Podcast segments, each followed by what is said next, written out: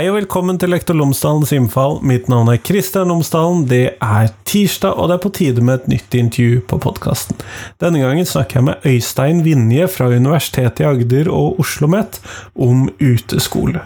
Vi diskuterer hva uteskole er, hvilke forskjellige varianter som finnes, hvilke, hva vi kan definere som uteskole, hva er god uteskole, hva er dårlig uteskole, og hvordan kan uteskole bidra til dybdelæring, ikke minst. Så det, her er det mange spennende temaer. Dette er jo en oppfølger av episoden med Stein Yngve Andersen fra Friluftsliv i skolen, som var for en uke siden. Så hvis ikke du har hørt den, så kan du høre den etterpå. De kan høres uavhengig av rekkefølge. Det burde gå helt fint. Men podkasten er som alltid sponset av Fagbokforlaget, og Fagbokforlaget har gitt ut en ny metodebok om forskningsoversikter.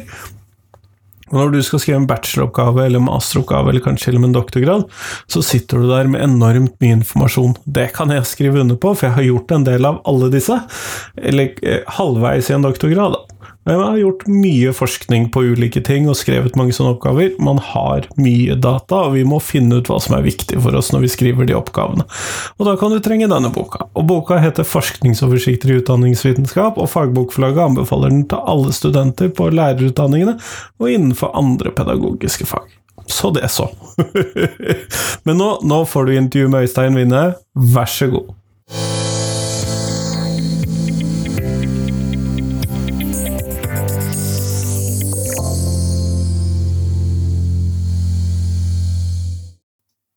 Øystein Vinje, tusen takk for at du har tatt deg tid til meg i dag. Veldig hyggelig å bli spurt om å få komme på podkasten din. Før vi kommer helt i gang med samtalen, så har jeg håpet at du kunne fortelle lytterne mine tre ting om deg selv, sånn at de kan få bli litt bedre kjent med deg. Ja. ja altså, jeg tror vi gjør det enkelt og greit. Jeg, jeg kommer fra Askøy utenfor Bergen, og jeg blir vel 38 nå. Uh, jeg har nettopp skrevet en uh, doktorgrad om uteskole og dybdelæring. Og for tiden så jobber jeg eh, både på Universitetet i Agder og litt på Oslo OsloMet. Ditt forskningsområde det er jo da uteskole, og så har jeg lært meg nå etter hvert at vi er nødt til å finne ut hva er det du mener når du snakker om uteskole, så hvis du kunne dra oss i gang der? Ja, altså Jeg er litt usikker på hvor jeg har fått denne rollen som en som skal definere disse tingene mer enn noen andre. Men vi kan si det sånn at eh, utgangspunktet for uteskoleundervisning det har egentlig vært arbeidet bl.a. til Arne Jorde som fra starten av 2000-tallet, slutten av 1990, starten av 2000-tallet. Og, og, og, han definerte uteskole som regelmessig undervisning utenfor klasserommet. Og med regelmessig så menes det egentlig ukentlig. Um, så at hvis man stikker ut én gang innimellom, eller en gang i året, eller den typen ting, eller på et innfall, så teller det ikke egentlig som utskole, etter hans definisjon?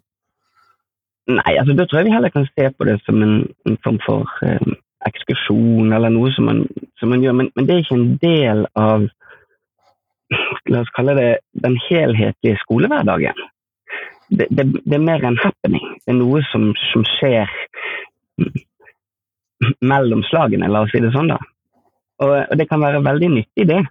Men hvis man skal snakke om uteskole som en, en metodikk, så er regelmessigheten ganske sentral.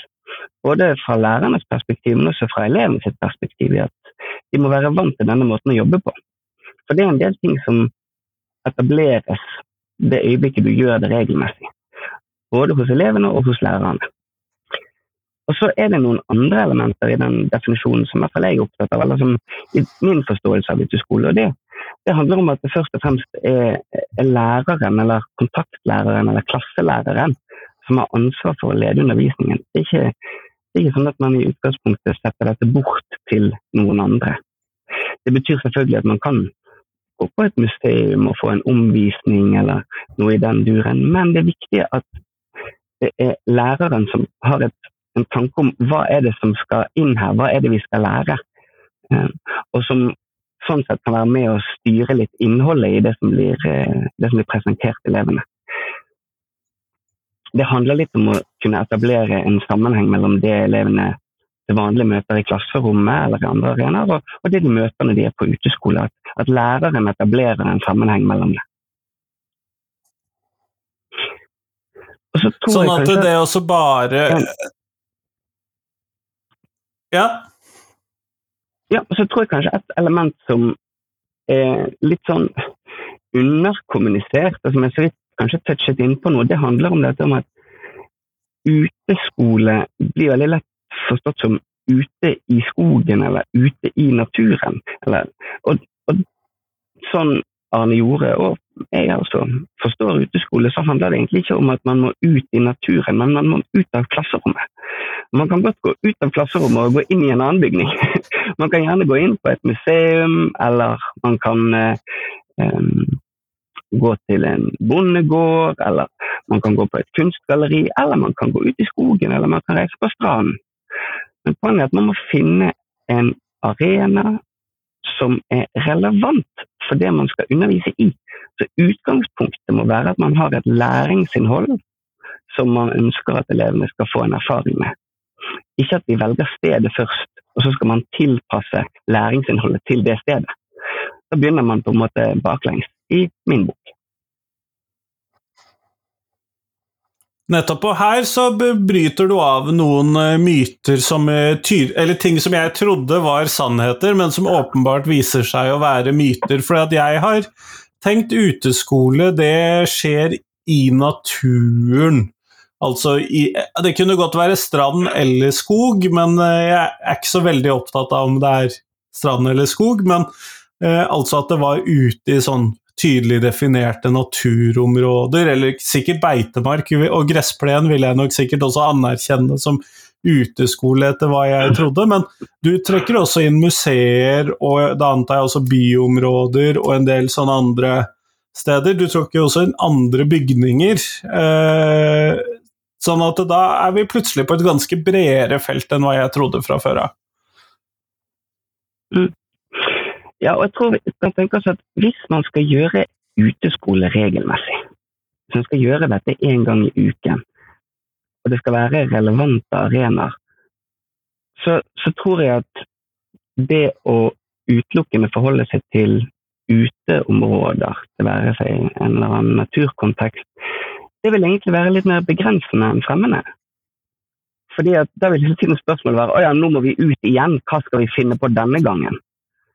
Og det er litt en opplevelse som jeg, som jeg sjøl hadde kanskje når jeg eh, drev med uteskoleundervisning som lærer.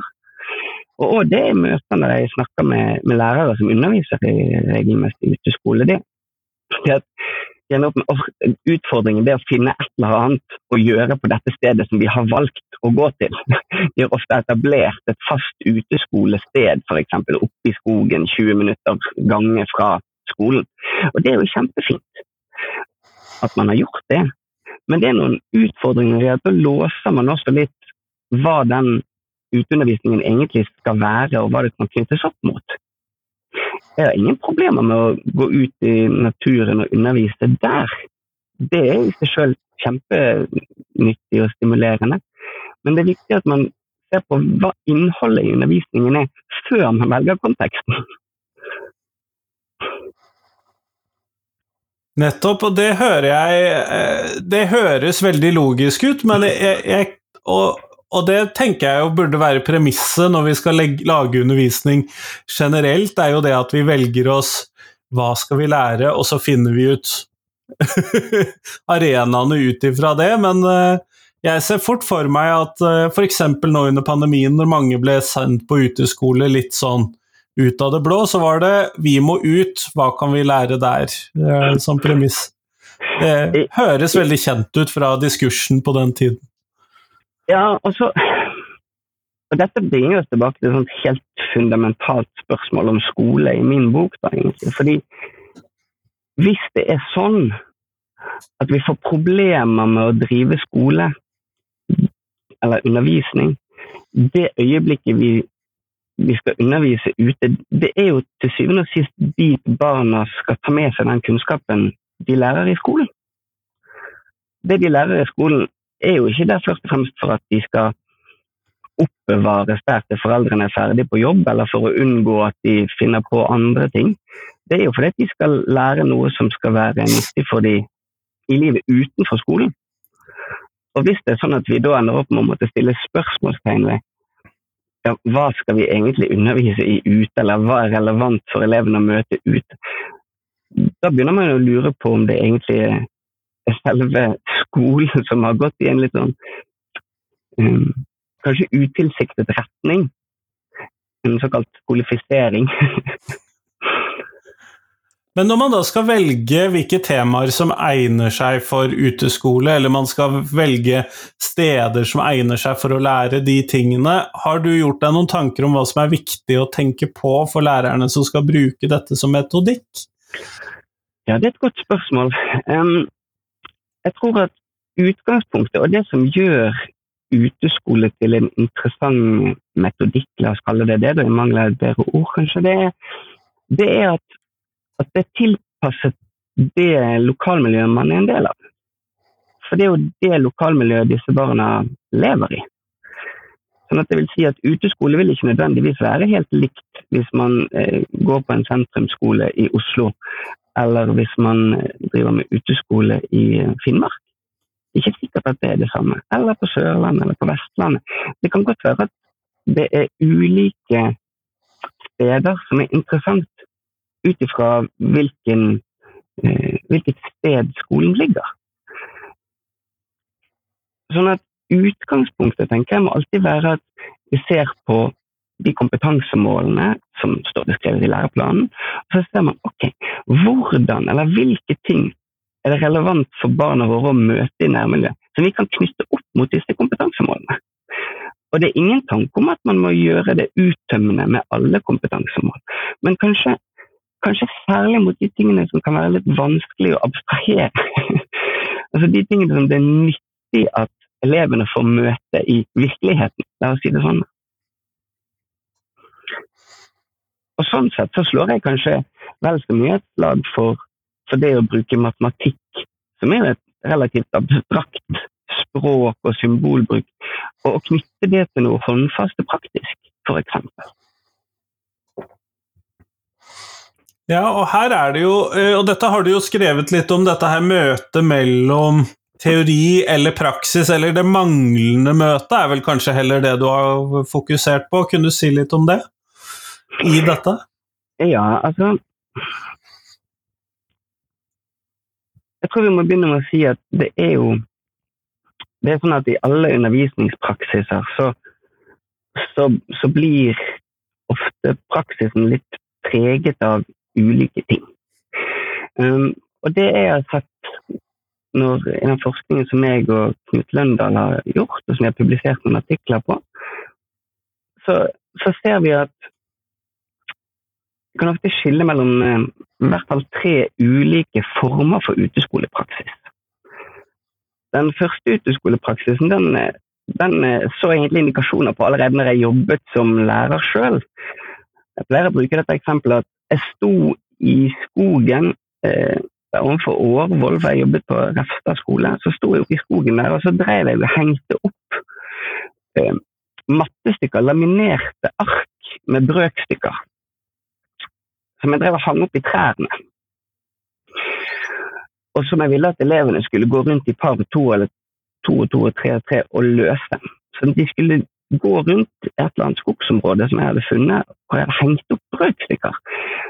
Og elevene skulle prøve å løse disse brøkstykkene enten i hodet, som jo egentlig var ganske vanskelig, alternativet var at de skulle skrive, men da måtte de skrive på ryggene til hverandre. Og så begynte det å bli litt vått, og det regnet, og papiret ble vått. Og så satt jeg egentlig og tenkte bare hva er det jeg holder på med? Er det dette som er uteskole? Er det dette som er måten? Og jeg skjønte det jo ikke der og da, for jeg hadde egentlig ikke et språk eller et ord for å beskrive hva det egentlig var jeg holdt på med. Men, men i etterkant, og nå når jeg har sett at det gjør en del andre lærere også, um, så kan man si at det er en måte å ta med klasseromsundervisningen ut. Så vi tar med oss akkurat de samme oppgavene som vi ville gjøre med penn og papir inne. De tar vi med oss ut, og så laminerer vi dem sånn at de tåler vann. Og så henger vi dem opp i trærne eller legger dem på bakken. og så har vi kanskje en terning, og så triller vi den. Og hvis elevene får et visst tall, så skal de løpe og finne den posten, og så skal de tilbake igjen. Og det er en kombinasjon av ofte repetisjonsoppgaver, la oss kalle det det, og, eh, og at det gjøres i et naturmiljø.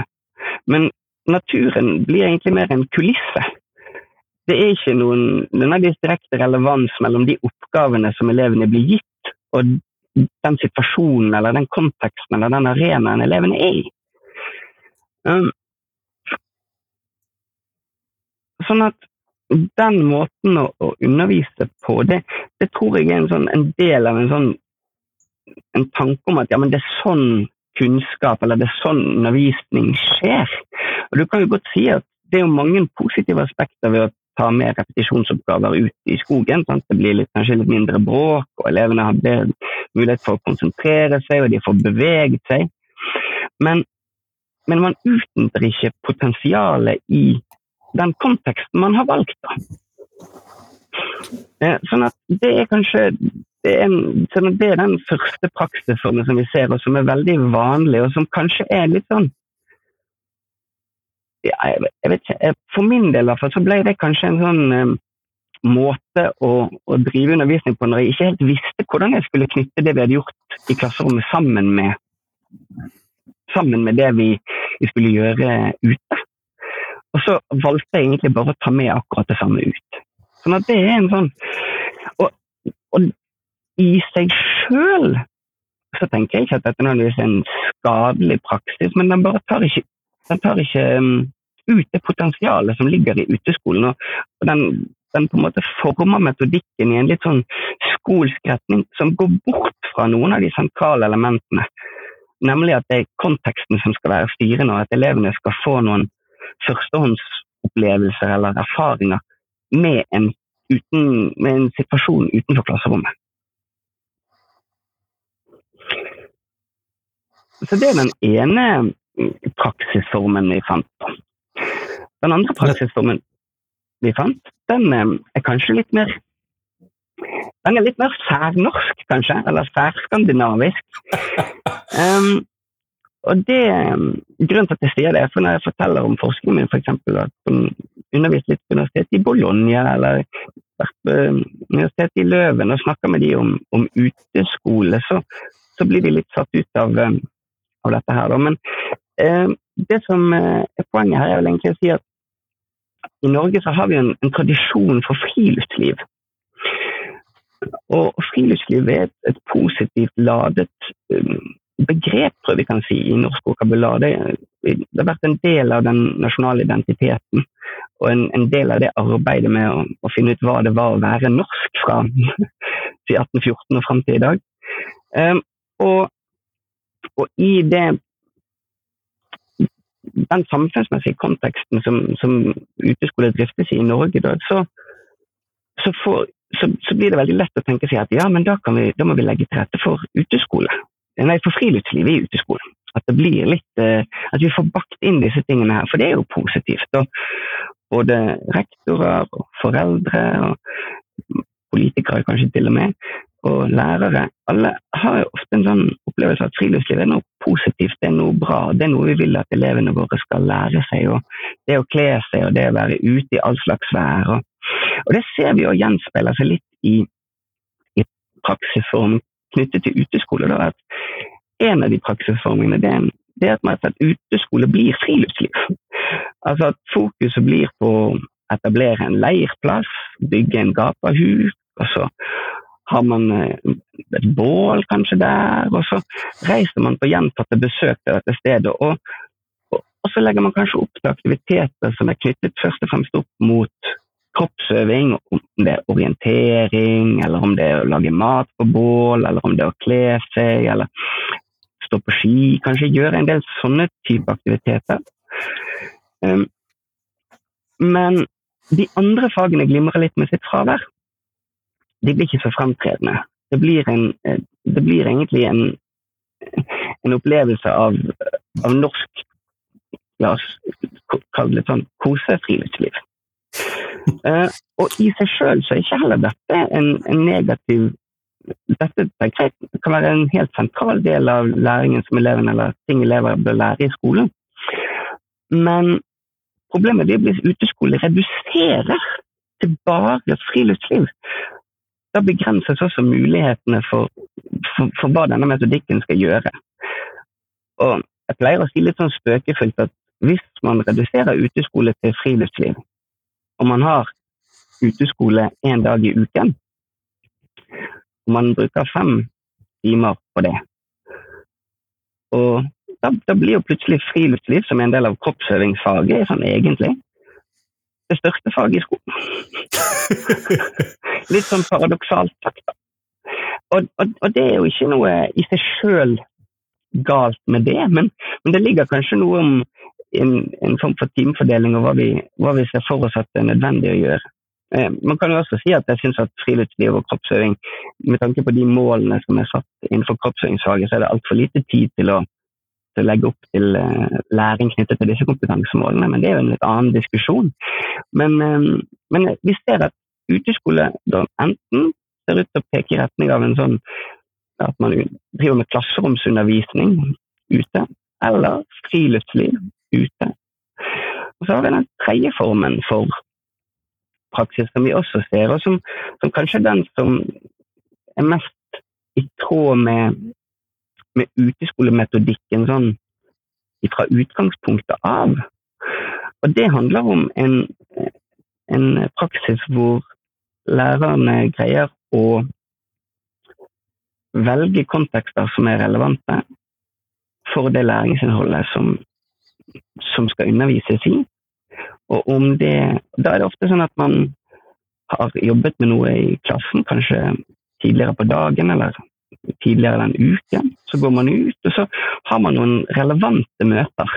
Og om det er at man går på Munch-museet og ser Skrik hengende på galleriet, eller om det er at man går og um, møter rumpetroll i bekken bortenfor skolen, eller om det er at man reiser til en bondegård og møter eh, sauer der, eh, så handler det om at det må være det må være fordi det er knyttet opp mot noe som vi holder på med i undervisningen.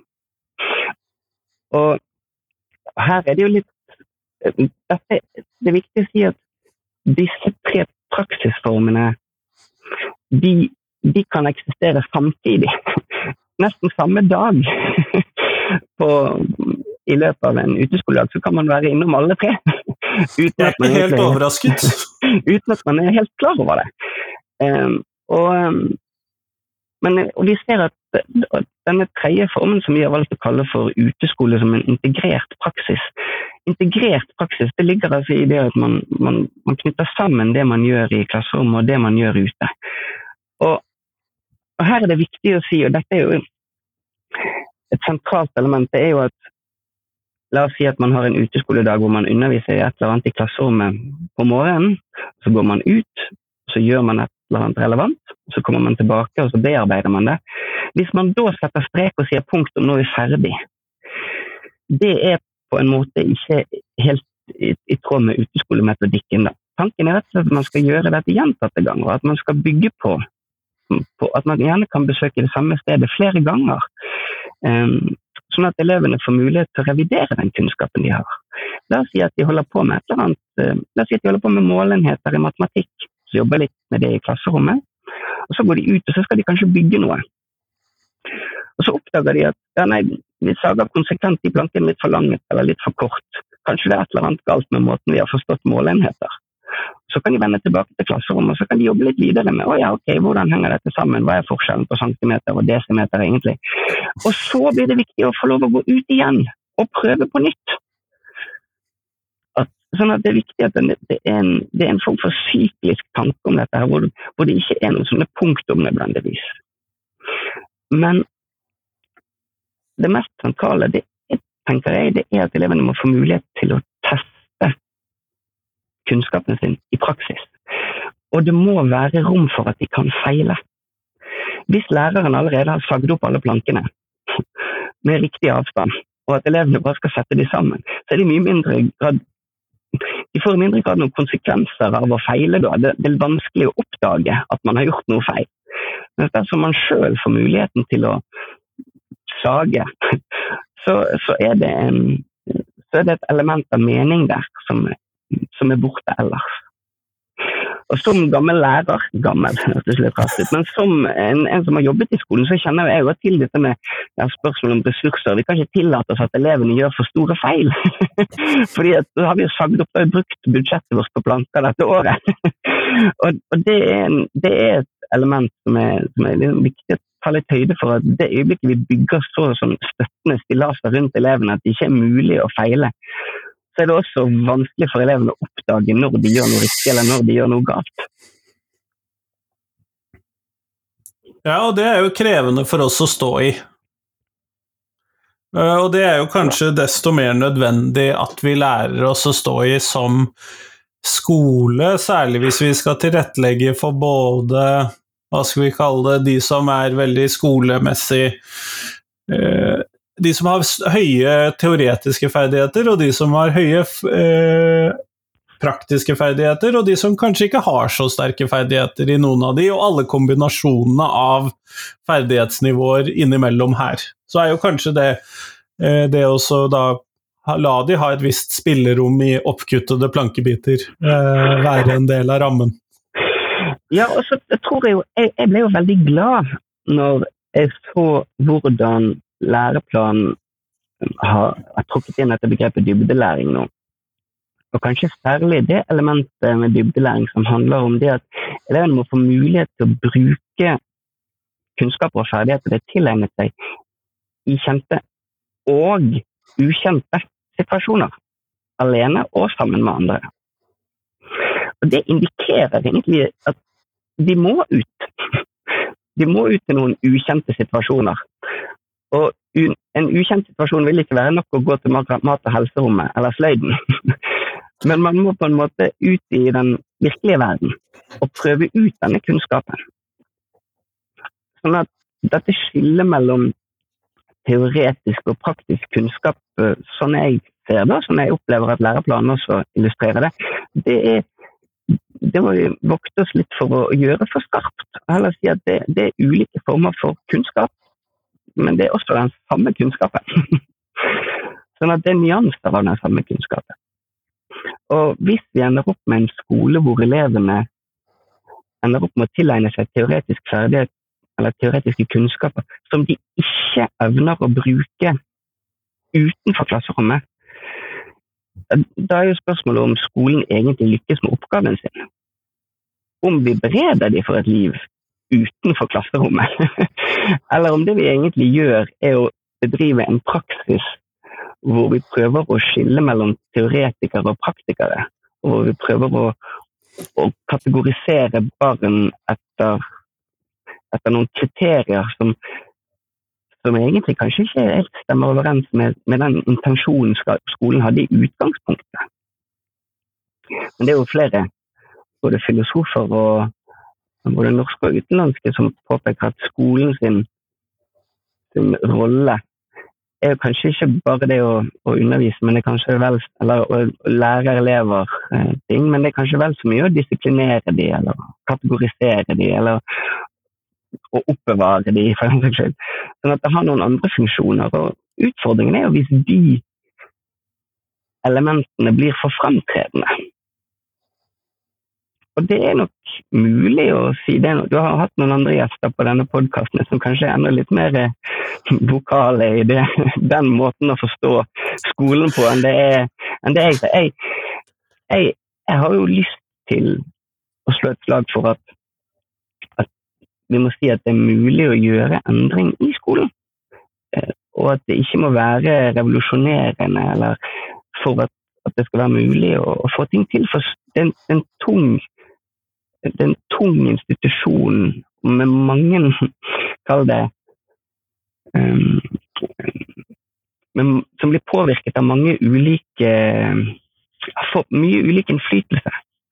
Og, og, hvis vi skal tenke oss at vi må snu alt på hodet, så tror jeg det vil være vanskelig å få til. da. Også fordi at vårt skolesystem henger sammen med andre skolesystemer internasjonalt. Og, sånn at Det er ikke så lett å gjøre disse endringene. Og Derfor så tror jeg kanskje at jeg ser på uteskole som en som et form for en litt motstand kanskje mot, mot noen av disse tankene om ja, la oss kalle det New Public Management, eller fordi at det peker i retning av at det er kanskje ikke all kunnskap som først og fremst kan tallfestes med tall eller bokstaver eller symboler, men at det handler om det å kunne bruke kunnskapen praktisk. Sånn at for din del, slik jeg leser det du sier nå, både oppimot hva skal vi kalle det, mer radikal skolekritikk og kritikk av dagens praksis og ønsker om å revolusjonere skolen, så kan eh, uteskole fungere som en måte å lage en bedre skole for flere eller alle av elevene som svarer på en del av den kritikken som en del skolekritikere kommer med, men som samtidig eksisterer innenfor på en måte dagens ramme for hvordan skolen ser ut? Det tror jeg det er godt oppsummert. Jeg tror at, eh, jeg tror at det, er, det er litt sånn at uh, Det er jo folk som har stilt spørsmål hva hvis skolen ikke fantes. Sant? Eller vi har vi har, ja, hvis vi skulle lagd skole på nytt, hvordan skulle det sett ut da? Eh, og det er, jo en, det er jo morsomme tankeeksperimenter. Og jeg, eh, jeg tror nok at det er noen elementer ved skolen som vi kanskje skulle ønske at så litt annerledes ut, men vi må jo faktisk ta utgangspunkt La oss, la oss si sånn, Man må være litt sånn pragmatisk i forhold til disse tingene. ja, men hvor skal vi begynne? Um, og kanskje en måte å gjøre det på er å, er å gjøre det tydeligere at at skolens oppgave til syvende og sist er å forberede elevene på livet utenfor skolen. Og hvis det er sånn at den eneste tidspunktet elevene er utenfor skolens fire vegger, eller klasserommets fire vegger, det er når de går hjem fra skolen, så har de egentlig ganske liten innsikt i hva disse elevene egentlig tar med seg fra skolen, og hvordan de bruker det. Og det er jo, det, det er jo det er jo forskning på, på, begreper som overføring av læring eller transfer of learning. og Det var en, en forsker som holder på med dette som jeg, jeg, snakket med, og han sa litt sånn spøkefullt at ja, nei, altså, vi må jo begynne å følge etter de da, hjem fra skolen. For å se liksom når bruker de frosk første gang etterpå. Vi må mikke de opp, eller følge de med drone. eller og det er jo en litt sånn det er jo en litt komplisert måte å finne ut av dette på, sammenlignet med det å ta med seg klassen ut. Jeg tror egentlig det hadde vært utrolig gøy å mikke opp og sette sånn GoPro-kamera på eh, førsteklassinger på vei til og fra skolen. ja, sant, og det, det, er et forskningsprosjekt for noen der ute. Um, men, eh, men de, de, sa det, sant? de lå med kikkert og, og tittet på. Liksom, og, og, og, spørsmålet er jo ja, det er jo krevende for da må du for det første etablere et form for nullpunkt. Du må finne disse elevene som, som, du er sikker på at aldri har møtt, sett eller hørt om frosk før. Og Så må du introdusere dette begrepet, og så må du følge dem og så se når. Og Det er jo ikke sikkert at de møter frosken på vei hjem fra skolen den dagen. Så det kan jo potensielt sett bli et langt prosjekt. Og så Hvis vi ser for oss hvilke elever det skulle være, så ville jo det typisk La oss ta en byelev, da, bare sånn for min fullstendige fordom mot da byboere. I sånn mhm. indre by. Det er eneste sted du kanskje aldri har sett en frosk. Mm. Men de har foreldrene deres har jo antagelig lest en eller annen barnebok som inneholder en frosk likevel. Nettopp. Nettopp. Så, og, og, på en måte så kan de jo si at ja, men nettopp. Men der slo du beina under hele uteskoleargumentasjonen, Øystein, eller Kristian. Uh, fordi at hvis man allerede har litt kjennskap til en frosk fra en barnebok, så vet du hva det er snakk om når vi da begynner å snakke om frosk i naturfag. Men jeg vil jo hevde at nei, utgangspunktet for at det skal være meningsfullt å snakke om en frosk, det må være at du har møtt en frosk at du har sett den. At du har på en måte sanset den med noe mer enn bare i en bok. Sånn at du, du, du, har sett hvordan den beveger seg, du vet hvilke lyder den lager, du har kanskje til og med tatt på den. Sånn at utgangspunktet for, for kunnskap det må basere seg på at kunnskap sånn som vi snakker om det i skolen, er jo veldig ofte en, en representasjon av noe som finnes i virkeligheten. Og det øyeblikket vi tok barna ut fra voksenlivet og ut fra arbeidslivet og ut fra deltakelse i de voksnes arbeidsliv, la oss kalle det det, og plasserte de i en egen verden som vi kalte skole, så ble vi nødt til å begynne å representere alle disse tingene som barna vanligvis hadde møtt gjennom å delta i de voksnes arbeid. Det måtte vi representere i klasserommet. Med bilder og med tekst og med symboler. og med tekst. Sånn at, og så sliter vi nå, ser det ut som, med å reetablere den sammenhengen mellom de representasjonene som vi holder på med inne i klasserommet, og virkeligheten utenfor. Det er det som ser ut til å være det krevende aspektet. Og det er det uteskolelærere eller mange lærere blir frustrert over. at åh, det, og så velger de å bare ta med seg disse her representasjonene ut istedenfor. Sånn man tar med seg de, fordi det er, blitt, det, det, er dette som er kunnskap. Sånn at da, da, må vi jo ta med oss disse tingene som vi holder på med inne i klasserommet, ut. Og Det skriver jeg litt om i doktorgraden min, at det er jo det paradoksale med uteskoleundervisningen, hvor man tar med seg klasseromsaktivitetene ut. At du ender opp med å istedenfor at elevene får førstehåndserfaringer med virkeligheten, så, så, tar du med representasjonene som de var ment å representere, ut der hvor de egentlig finnes. Mm. Hvordan henger eh, dybdelæring sammen med uteskole? Det er vel kanskje ja. da det neste logiske sporet ut ifra hva du nå nettopp hva skal vi kalle fyrte løs med? ja. Jeg, jeg, blir litt engasjert når vi snakker om, eh, om dette. Men eh, nei, eh, nei jeg, jeg, begynte med doktorgraden min i 2016, og da Det var før før dybdelæringsbegrepet var egentlig la oss si, helt avklart i forhold til læreplanen. Da. Eh, og da ble jo litt, Det hadde jo spørst litt om det de ulike NOU-ene, men det var litt uh, uklart hva det kom til å ende opp som i læreplanen. Så da uh, gjorde vi en, en, litteraturstudie hvor vi prøvde å kartlegge studier som har, som har undersøkt dybdelæring over hele verden. Og det vi fant, ja da, det, det, var noen studier som hadde gjort det. Det var ikke så mange som egentlig hadde trodd. Jeg tror vi endte opp med 71 totalt. Jeg som hadde sett på dybdelæring i barne-, ungdom og videregående skole internasjonalt. Um, og det vi fant, var at, eh, at dybdelæring ble forstått som to ting. Enten så ble det forstått som en form for uh, motsats til overflatelæring, sant? dybdelæring, som, som, handlet om at elevene knyttet sammen det de lærte med tidligere erfaringer, og at det var indre motivert. Uh, så, så Det var den ene konseptualiseringen av dybdelæringen vi fant. At det skulle være meningsfullt. Meningsfull læring. Og den andre konseptualiseringen vi fant, det var at dybdelæring handlet om overføring av læring. Altså det, det at man tok med seg noe man hadde lært i én kontekst, og brukte det i en annen kontekst. Her kan man jo gå så dypt man vil, men da kan vi snakke om nær overføring, f.eks.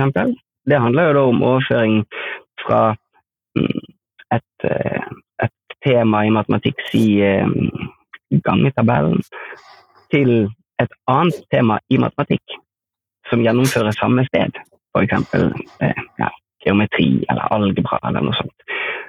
Da ville konteksten være så like at det ville være snakk om en nær overføring. Mens en fjern overføring det ville være at ja, vi holder på med, med matematikk, vi holder på med gangetabellen, vi holder på med hoderegning. Det at elevene da kan gjenkjenne det når de er f.eks. på butikken og kan eh, gjøre overslag for å finne ut hvor mye de må betale i kassen.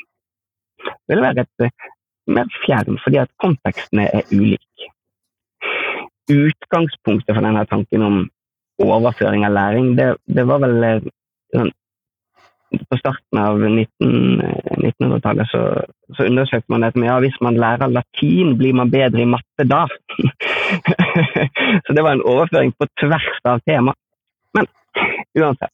Så det vi endte opp med, at vi fant ut at det var to hovedkonseptualiseringer av dybdelæring. Meningsfull læring og overføring av læring. Og det vi eh, ser nå i den eh, definisjonen som står i læreplanen, det er at begge de elementene er, er inkorporert. Det ut som. Og det er snakk om sammenhenger i og på tvers av fag. Og det er snakk om dette å kunne overføre kunnskap og ferdigheter fra å kunne bruke de i kjente og ukjente situasjoner, alene sammen med andre.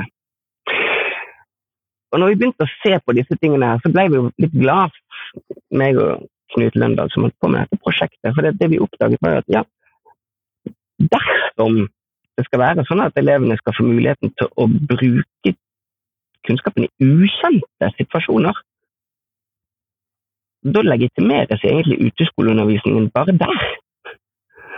Det er behov for det for å faktisk, for å faktisk kunne si at man arbeider med dybdelæring. Eh, sånn at eh, og, og, så Det er det ene elementet. Et annet sentralt element vil jo være det å se sammenhenger mellom fag. og det, det øyeblikket du går ut, så er jo ikke verden delt opp i matte, norsk, samfunnsfag. Da, da blandes disse tingene, de glir over i hverandre. Og, og, og man ser at det kanskje ikke er så vanntette skott mellom de ulike fagene som man opplever kanskje at det er i klasserommet.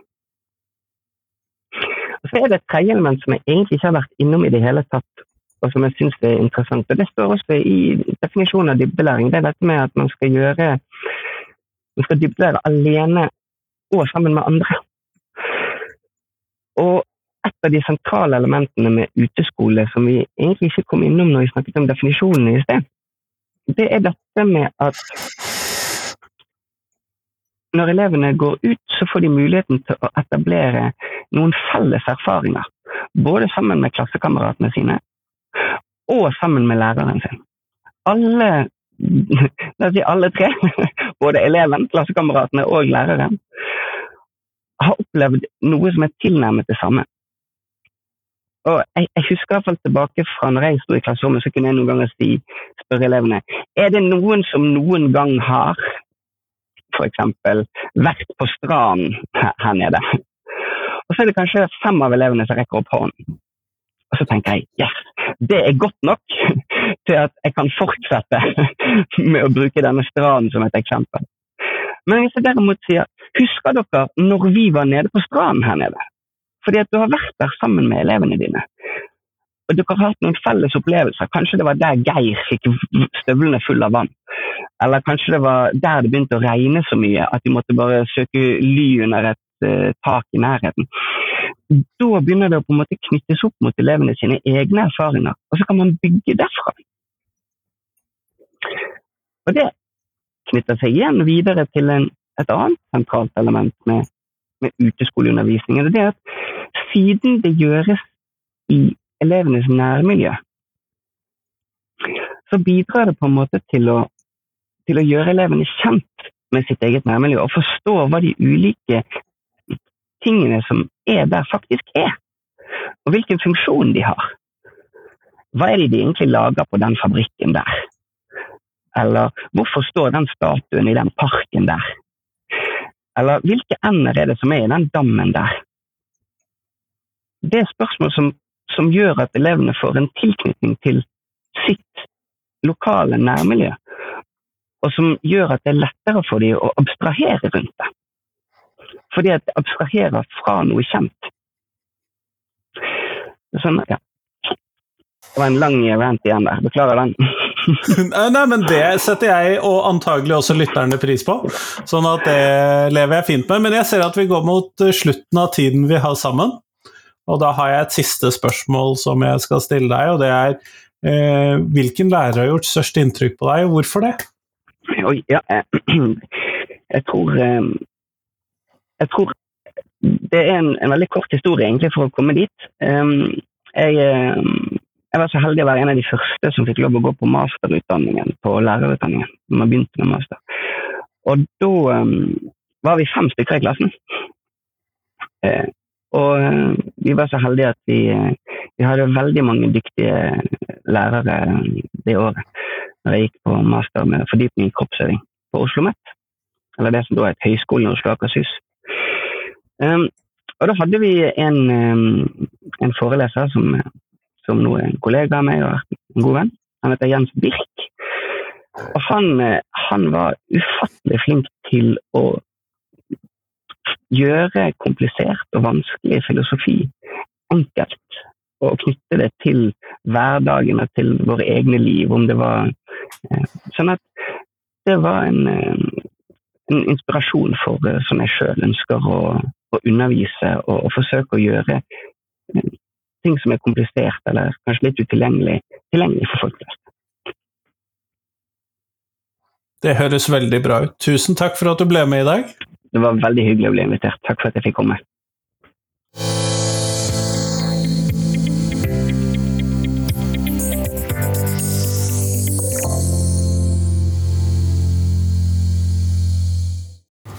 Tusen takk til Øystein, og tusen takk til deg som har hørt på. Nå er det fram til fredag, så kommer det et nytt intervju på podkasten, og jeg satser på at du har sommerferie, og at du koser deg med det. Men podkasten den eh, lever vel av å bli hørt på, så jeg håper at du finner tid i sommervarmen til å høre på noen gamle episoder du ikke har hørt på før. Men kanskje enda viktigere, kunne du delt podkasten med noen som du tror ville sette pris på den? Eh, del en episode, del hele podkasten, det du føler for, til den du tenker er riktig, og så blir jeg utrolig glad. Men nå, kos deg med sommerferien din, ha en fin uke, fin måned, ha det fint, hei hei.